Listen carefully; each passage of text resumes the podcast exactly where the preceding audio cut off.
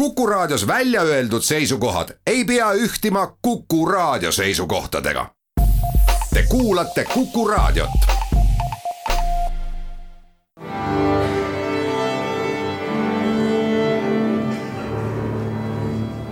daamid ja härrad, Eesti Kontserdi saade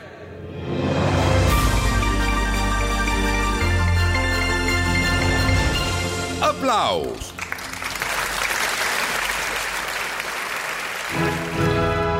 Tere kõigile, aplaus on eetris, mina olen Lauri Aav.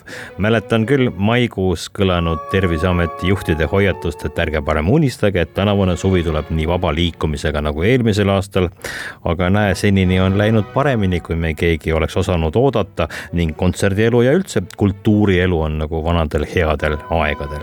selja taga on meie tavapärased suvised festivalid, Haapsalu Tšaikovski festival, Seitsmelinna muusika, In Horto Regis ja läinud nädalavahetusel ka sellesuvine uus festival O Padise, Padise kloostris ja mõisas. kõik ilma eriliste piiranguteta, publikurohked ja meeleolukad, kõik nagu vanasti ei ole me oma muusikaliste sündmustega ka nakatumiskordajat tõstnud ja ees on ootamas suurim, uhkeim, mastaapseim ja samuti ka riskantseim Saaremaa ooperipäevad.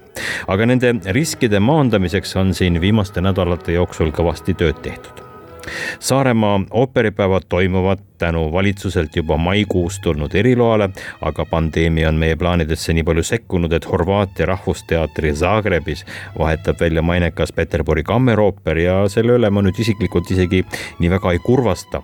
Peterburi kammerooper on käinud varasemalt Pärnu ooperipäevadel, ma olen käinud korduvalt neid ise Peterburis vaatamas, rääkinud tundide viisi nende kunstilise juhi Juri Aleksandroviga ja see on selline tugevalt lavastaja nägemusest kantud teater. julgeksin Moskva Helikoniga neid natukene võrrelda.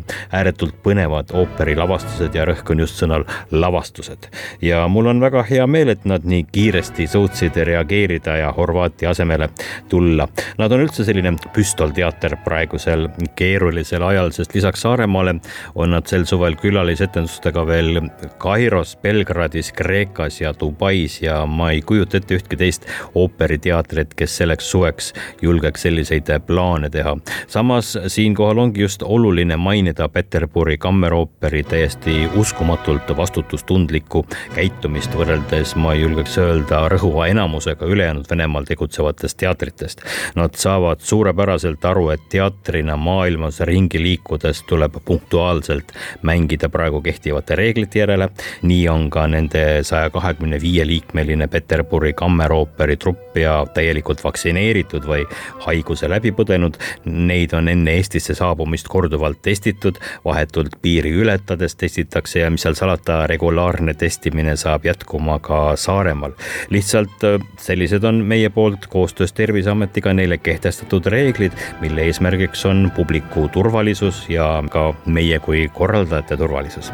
samuti on tänavu ooperimaja publiku täituvus kakskümmend viis protsenti hõredam kui tavaliselt ja ka see on meie endi otsus, ikka kõik selle jaoks, et publiku turvalisust tagada. et äh, nüüd aga ooperipäevadega seoses mitte ainult testidest ja turvalisusest rääkida, äh, püüdsin kinni ooperipäevade kunstilise juhi Arne Miku ja räägime natukene ooperijuttu ka ma arvan küll, et pärast pikka pausi me oleme kõik rõõmsad ja et meil on antud luba neid ooperipäevi korraldada. kahjuks muidugi elu on teinud oma korrektiivid, sest kokkulepped Zagrebi ooperiga mis olid ju nagu eelmiseks aastaks mõeldud, need pidid oma esinemisvõimaluste tõttu selle üles ütlema. Nad ei saanud terve hooaeg peaaegu etendusi teha ja sealt kaugelt siia toomine osutus võimatuks. aga nagu kõige lähemad naabrid, Vene ooperiteatrid ja eriti mõned kolleegid nagu Dmitri Bertmann Moskvast ja Jüri Aleksandrov Peterburist on valmis kohe Eestimaale tulema, kui kutsutakse ja kui on võimalus. No Peterburi kammerooper on meil selline vana hea tuttav ja, ja peaaegu nagu Peterburis naabrimehed Peterburi Jaani kirikust kiviga visata, no Maria teater on veel lähemal, okei. Okay.. nojah, see on uskumatu, et tegelikult eh, no ma ei, me ei hakka pikalt rääkima, muidu pärast, kui Pokrovski tegi Moskvas oma kammerteatri, siis hiljem Dmitri Bertmann Moskvas ja Juri Aleksandrov Peterburis lõid ka oma kammerteatrid, kammerooperid ja mõlemad on väga mobiilsed mehed suhteliselt väikeste saalide puhul, neil on suur orkester, suur koor, et nad võivad kõikvõimalikku repertuaari esitada. ja et Aleksandrov Peterburi ühe vana palee sai oma mängupaigaks, see on ka uskumatu. Ta muidugi oli veel enne seda Peterburis Kiirovi või nagu algupäraselt öeldakse nüüd Maria teatri lavastaja on teinud seal väga toredaid etendusi ja üks vähestest vene lavastajatest, kes on saanud Metropolitan oopera La Scala ja ka Arena di Veronale oma etendusi tegema. nii et seetõttu tema niisugune ampluaa ja, ja haare on väga suur ja võib-olla mõned veel mäletavad, kuidas ta tõi siin välja Estonias Rimski-Korsakovi tsaari mõrsja mis oli väga poleemikat tekitav etendus, sest et seal olid selged vihjed nõukogude ajale. ja ta on väga osavalt sellist kaasaegset äh, nüanssi lisanud oma lavastustesse ma olen ka just kippunud neid võib-olla Helikoniga natukene võrdlema, need on sellised lavastaja kesksed teatrid, mis on just äh, tuntud oma selliste väga põnevate ooperi lavastuste poolest see on tõsi, sest ega nendel kumbagi ei ole ju niisuguseid lauljaid staare, neil on väga head lauljad. Nad oskavad neid kasutada ja nad on väga mobiilsed, veel kord rõhutan, oma väliskastrollide mõttes ka, nad käivad väga tihti, praegu peaaegu ainukesed teatrid Venemaalt, kes käivad välisriikides. Peterburi kammerooperi repertuaar on selline väga kindla peale minek. no see on niisugune raudne klassika Faust, Sevilla habemaja ja Lucia di Lammermoor ja Madame Butterfly. no igas ooperis on tuntud haarjad, väga hea muusika, nii et ma arvan, et Zagrebi asemel inimesed Peterburi ooperit vaatama-kuulama tulles ei pea kindlasti pettuma no Peterburi kammerooper selles uhkes lossis, see on tegelikult, nende saal ei ole väga suur. see on selline armas ja kodune ja väga kammerlik, ma mäletan, seal on orkestriaugus on näiteks, kui tulevad vaskpillid sisse, tehakse seinas üks suur luuk lahti, kust nad saavad välja puhuda. no küsimus on selline, et, et kuidas nüüd see Peterburi kammerooper sellistest kammerlikest tingimustest suurele lavale tulnuna ennast Saaremaal tunda võib? ma arvan, et nad on sellega harjunud nendel on tegelikult suur koosseis nii orkestri kui koori mõttes, nad teevad Boriss Godunovi, kus on vaja suurt koori. ja kui nad lähevad gastrolli, siis nad lihtsalt sellele suurele pinnale väga osavasti mahutuvad ära. Ja Saaremaal ju ei ole vaja luuki lahti teha, et puhkpille auku panna. Lisaks ähm, tänavu Saaremaa ooperipäevadel gala asemel on üks juubelikontsert Ain Anger kihelkonnast jah, see on minu jaoks ja ma arvan ka Eesti ooperisõprade jaoks kindlasti selle suve maiuspala. et oma kodusaarel Ain Anger tähistab väikse hilinemisega oma viiekümnendat sünnipäeva. ja Ain on nendel ooperipäevadel olnud nii-öelda võimaluste korral väga sage pane külaline, on tema soolokontserte teinud, galakontsertidel osalenud ja nüüd on siis tema juubelikaala üles ehitatud selliselt, et esimene osa on Verdi looming ja teine osa Wagner. võrdlemisi tõsine kava. ja ta on soovinud, et tema partneriteks seal sellel õhtul oleksid eh, noored Eesti lauljad, kes paljud on välismaal ja Mirjam Mesak tuleb Münchenist ja Hollandist Aile Ashoni, Helsingist tuleb Monika Evelin Liiv ja kahjuks Lauri Vasar ei pääsenud, ei saanud siia tulla, nii et baritoni repertuaari täidab Angeri kauaaegne kolleeg ja praegu Läti rahvusooperi juhataja Egil Schilings, kes on ka meil Saaremaal käinud kunagi hollandlast laulmas. nii et ma arvan, et eh, kui saalis laval on Erso ja Olar Elts dirigendina, siis eh, see õhtu on küllalt tõsise kavaga, aga väga väärika kavaga, nii et ma arvan, Ain Anger, kuningas Filippina võib tunda endast uhkena sellel õhtul. kui Saaremaa ooperipäevad tulid nüüd äh, välja uudisega, et sel suvel saavad ooperipäevad siiski toimuma, siis oli meil veel kaelas see viiekümne protsendiline piirang. nüüd on see juba läinud olukord paremaks ja, ja seitsekümmend viis protsenti publikust võib väliüritustel saali lubada, see tähendab siis tuhat viissada inimest saalis. no kas sa arvad, et kas me jõuame selle tavalise Saaremaa ooperipäevade atmosfäärini ka sel suvel välja? no kui peaaegu tuhat viissada inimest sinna saali tuleb, see lavalt vaadates tähendab ikkagi täismaja, sest et päris lõppu kunagi rahvas ei näe, see on juba hämaruses aga, aga kogu atmosfäär, mulle tundub, et inimesed janunevad selle, selliste suvesündmuste järele. et see peaks andma ühe kindluse tunde, et me ei tee mingit äh, riskantset eksperimenti, aga me tuleme ja tunneme ennast jälle ühel suvekuul õnnelikult ja rahulikult Saaremaale tänavu kahekümnendast kahekümne neljanda juulini toimuvate Saaremaa ooperipäevade kavas on teisipäeval, kahekümnendal juulil Kuno Faust, kolmapäeval Rossini Sevilla Habemeaja, neljapäeval Donizetti Lucia di Lammermoor, reedel Puccini Madame Butterfly, laupäeval kunagi Zagrebi ooperiteatri galale pileti ostnud on võtnud lotovõidu, sest selle asemel on kavas Ain Angeri juubeligala ja tänane viimane uudis on see, et Ain Angeri välja müüdud juubeligalale tuli just müüki veel näpuotsatäis pileteid, et nüüd kõik huvilised peaks siis väga kiirustama kuna meil siin on eri aegadel kehtinud Saaremaa ooperipäevadel erinevad piirangud, alguses oli see viiskümmend protsenti, siis kadus see viiekümne protsendi piirang ära. nüüd on veel ainult meie iseendale kehtestatud piirangud, et päris nii palju publikut me saali ei lase kui tavaliselt, siis praegu veel on pileteid saada nii teisipäevasele kui ka kolmapäevasele etendusele ja kõige selle kohta on ikka ja alati kõige parem infot otsida kodukalt ehk siis äh, saaremaoopera.com või eestikontsert.ee. niisiis kord veel kahekümnendast kahekümne neljanda juulini Saaremaa ooperipäevad ja Peterburi kammerhooper.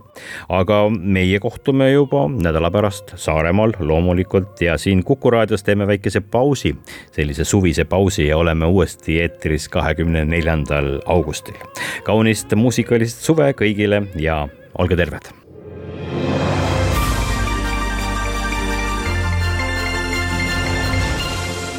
applaus.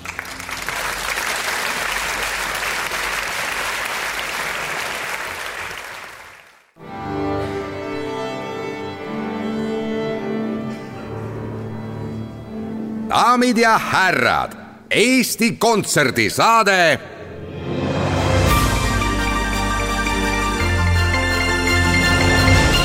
aplaus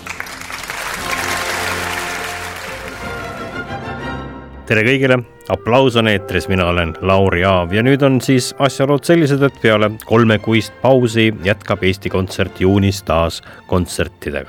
luba on antud, muusikaelu välja ei sure Eesti Kontsert pikendab oma kaheksakümnenda juubeliaasta kevadhooaega ühe kuu võrra ning toob juunis Tallinnas, Tartus, Pärnus ja Jõhvis publikuni mitu kevadel ära jäänud kontserti. kuidas ma ütlengi, see on meie jaoks suur ja tähtis sündmus on kõigi muusikaelu korraldamisega seotute jaoks, rääkimata muusikuist endist. käisin eile, see on siis esmaspäeva ennelõunal Eesti Kontserdi juhi Gert Orroga sellest kõigest rääkimas ja muidugi alustasin päevakajaliste küsimustega, et kas lisaks rahvusmeeskoorile ja Hortusele oleks Eesti Kontserdi tiival ruumi ka Kaitseväe orkestrile väga asjakohane küsimus tõepoolest pärast eilseid uudiseid, kus äh, kaitsejõudude peastaap teatas, et äh, kaitseväe orkester koondatakse ära. kultuurimaastikul äh, olevad inimesed sellisest otsusest muidugi aru ei saa, sellepärast et äh, teatavasti mängivad kaitseväe orkestris tippprofessionaalsed muusikud keda on ju ka Muusikaakadeemias selleks koolitatud ja kui ähm, kaitseväge võetakse edaspidi pelgalt kui lihtsalt sellist sõjalist inimressurssi, andmata aru, et äh, ka seal on vaja inimestel inimeseks jääda, mida ju võimaldab äh, kultuur siis on see tõeliselt kahetsusväärne, ma loodan, et äh, siiski see otsus vaadatakse veel kord äh, üle, kuna praegu tundub küll, et tegemist on täiesti läbimõtlemata otsusega, lihtsalt äh, jalalt niitmisega ja ja ma Eesti Kontserdi juhina küll ei oska kalkuleerida, et sellise koondamisega me saaksime märkimisväärselt siis kaitseressurssi juurde ma küsin seda sellepärast tegelikult, et kui palju sa mm, üldse oma kohtumistel erinevate teiste eluvaldkondade juhtide, ametnikega äh, puutud kokku sellega, et inimesed üldse ei saa aru, mida tähendab muusikavaldkond. miks see nii kallis on, miks seda üldse vaja on? Mm, õnneks äh, ikkagi tihti saavad aru, sellepärast et äh, reeglina on need kohtumised siiski haritud inimestega, kelle enda igapäevavajaduseks ja elu osaks on ka klassikalise muusika kontsertide külastamine. ja ilmselgelt antakse endale aru, et ühe kultuurrahva ja riigi äh, funktsioneerimise hulka käib kindlasti ka hoolitsemine ja hoolimine kultuuri eest just nimelt selle eesmärgiga, et me suudaksime kõik inimeseks jääda ja et, et inimesi ei võetaks vaid pelgalt kui sellist funktsionaalset ühikut, vaid et meil siiski oleks võimalik äh, olla loov, hooliv ja hingeline ja et me oleksime võimelised mõtlema ja et äh, meil oleks selline kultuurne ühiskond, kus me kõik ennast tunneksime hästi kontserdielu on olnud nüüd pausil alates märtsi keskpaigast ja nüüd hakkab avanema uuesti, aga kogu see periood vahepeal, kui ma olen rääkinud ükskõik kellega Eesti Kontserdist, äh, oma töökaaslastega, kõigil on kiire, kõigil on käed-jalad tegemist täis, millega siis Eesti Kontsert on nüüd vahepealse aja tegelenud? Mhm. see on tõesti väga paradoksaalne, et justkui väljundit ei ole ja, ja võib-olla kõrvaltvaatajale jääb tunne, et midagi ei toimu aga tegelikult äh, töökoormus äh, väga suurel osal Eesti Kontserdi töötajatest on äh, lausa kahekordistanud. sellepärast, et tavapärasele olukorrale, kus tehti plaan A ja pandi see töösse, teeme me täna ka plaan B ja plaan C. ja siis teise käega hakkame nende plaanide tühistamisega peale, et me lõime kokku alates jaanuarikuust on Eesti Kontsert pidanud ära jätma üheksakümmend kontserti kõik need üheksakümmend kontserti ju on olnud valmis tehtud, valmis mõeldud, lepingud sõlmitud, et seal taga on väga-väga suur töö ja et neid nüüd tühistada, siis on väga õnnetud eeskätt muidugi nii interpreedid, kes pidid lavale astuma, kui mõistagi ka publik, kui ka Eesti Kontsert korraldajana ise. ehk et kõik liigutused on, on kas dubleeritud või lausa kolmekordseks tehtud ja, ja sellega see koormus ka kasvanud ja tõesti, inimesed on sellest väga väsinud, et et seda väljundit ei tule, et, et sa töötad justkui väga palju suurema koormusega, aga, aga see oleks nagu tühi töö. No muusikavaldkond ja teatrid kaasa arvatud on nüüd selles kriisis, mulle kõrvaltvaatajana tundub, et, et seljad päris tugevalt kokku pannud, et kogu valdkonna eest tõsiselt seista, Eesti Kontsert sealhulgas ja selle üle on küll äärmiselt hea meel, et äh, enam ei tehta valdkonnas äh, vahet või ei vastanduta selle põhjal, et äh, millise muusikažanri esindajana keegi muusikamaastikul toimetab, et kas sa siis tegeled klassikalise muusika, džässiga või sa teed, viljeled klubimuusika kultuuri. kõik on saanud aru, et see see kogu see muusikamaastik ongi kultuuri üks lahutamatu osa ja üritatakse leida ikkagi lahendusi, kus on kõikide huvid kaitstud ja üksteist aidatakse ja toetatakse nii, kuis vähegi suudetakse. aga miks on siis ikkagi niimoodi, et kui tulevad piirangud, siis pannakse kinni meelelahutus ja kui taas avatakse, siis räägitakse kultuurist? Vot sellele küsimusele ei oska mina vastata, ma ei ole isegi enda jaoks seda suutnud välja mõelda, et miks see nii on, eriti olukorras, kus äh, professor Irja Lutsar on ka kultuurivaldkonna esindajatega kohtudes öelnud, et tõesti, kultuurivaldkond äh, Covid üheksateist viiruse leviku kontekstis äh, on pigem madala riskitasemega valdkond. saame ju sellest kõik aru, et äh, kultuurivaldkonda kinni pannes ei saavuta ka viiruse leviku tõkestamisel teab mis äh, efektiivseid tulemusi. ei oska vastata sulle, ei tea aga tegelikult ju olukord on ju praegu ju tugevalt positiivsuse suunas arenemas, et. ei peakski ütlema, et nüüd, kui ikkagi me avame oma uksed äh, külastajatele, et kutsume kõiki pileteid ostma, et olgu nad siis äh, vanuses kuusteist ja rohkem või, või kuusteist ja vähem, et äh, meil on küll plaanis kõiki oma kauni muusikaga vaktsineerida ja, ja olge kindlad, kõrvalnähte ei ole, läheb ainult paremaks tuleme siiski tagasi kõige värskemate juunikuiste kontsertide juurde. juunis jõuab viimaks ometi publiku ette selle kevade üks oodatumaid kontserte, mitmeid kordi edasi lükatud Sven Grünbergi Hingus kaks tuhat kakskümmend üks. ehk siis mitte kunagi kontserdilavale jõudnud plaadi Hingus, materjal, mis minugi kodus plaadiriiulit on alates tuhande üheksasaja kaheksakümne esimesest aastast ehtinud ja oi kui palju ma olen seda kuulanud. lisaks on kavas veel Grünbergi filmimuusika muusika elavas esituses Eesti Elektroonilise Muusika Seltsi ansambli poolt, hukkunud alpinisti hotell, Naksitrallid, Klaabu ja ma saan suurepäraselt isegi aru, et pole sünnis seda kontserti siin kiita ja turundada, sest asjaolud selle kontserdiga on endiselt segased.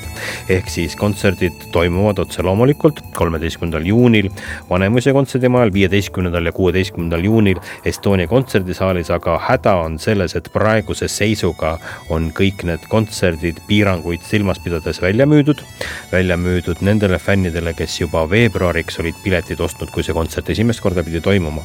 kui nüüd nüüd peaks juhtuma, et juuni keskpaigaks tõstetakse piirmäära, et kui palju korraga kontserdisaali tohib inimesi istutada, siis tulevad müügile lisapiletid kõigile nendele kontsertidele.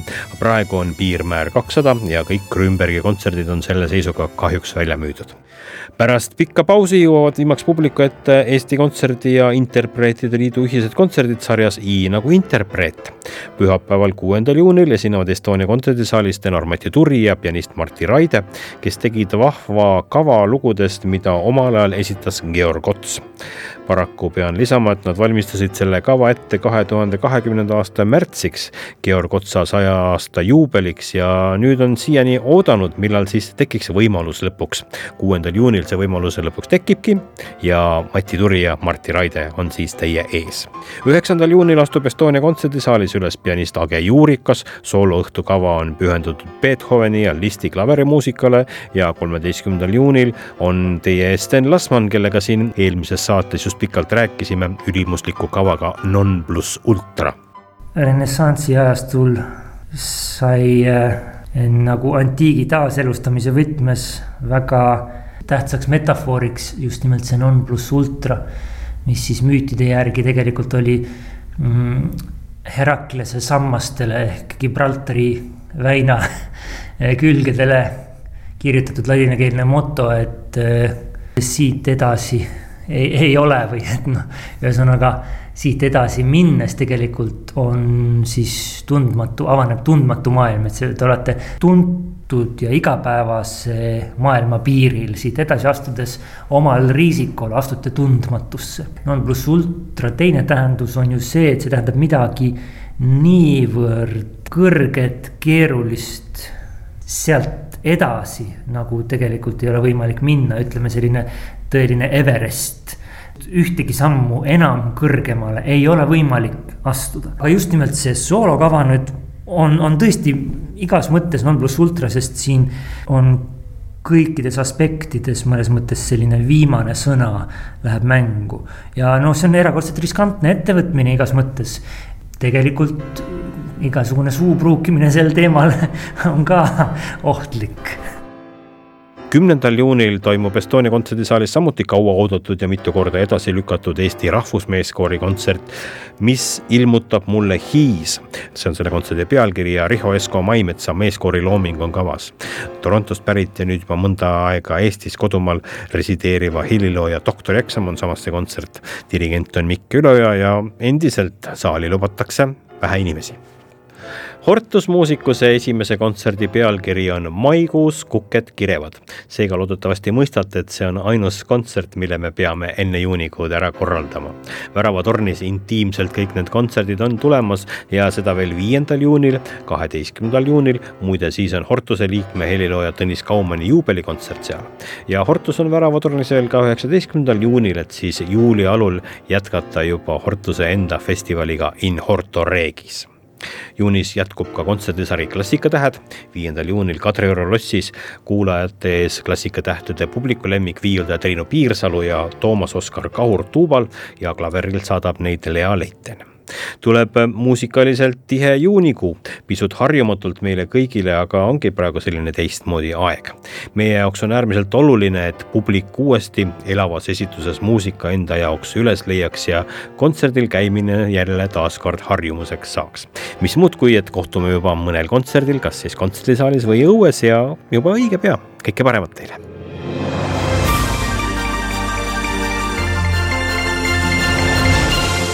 Aplaus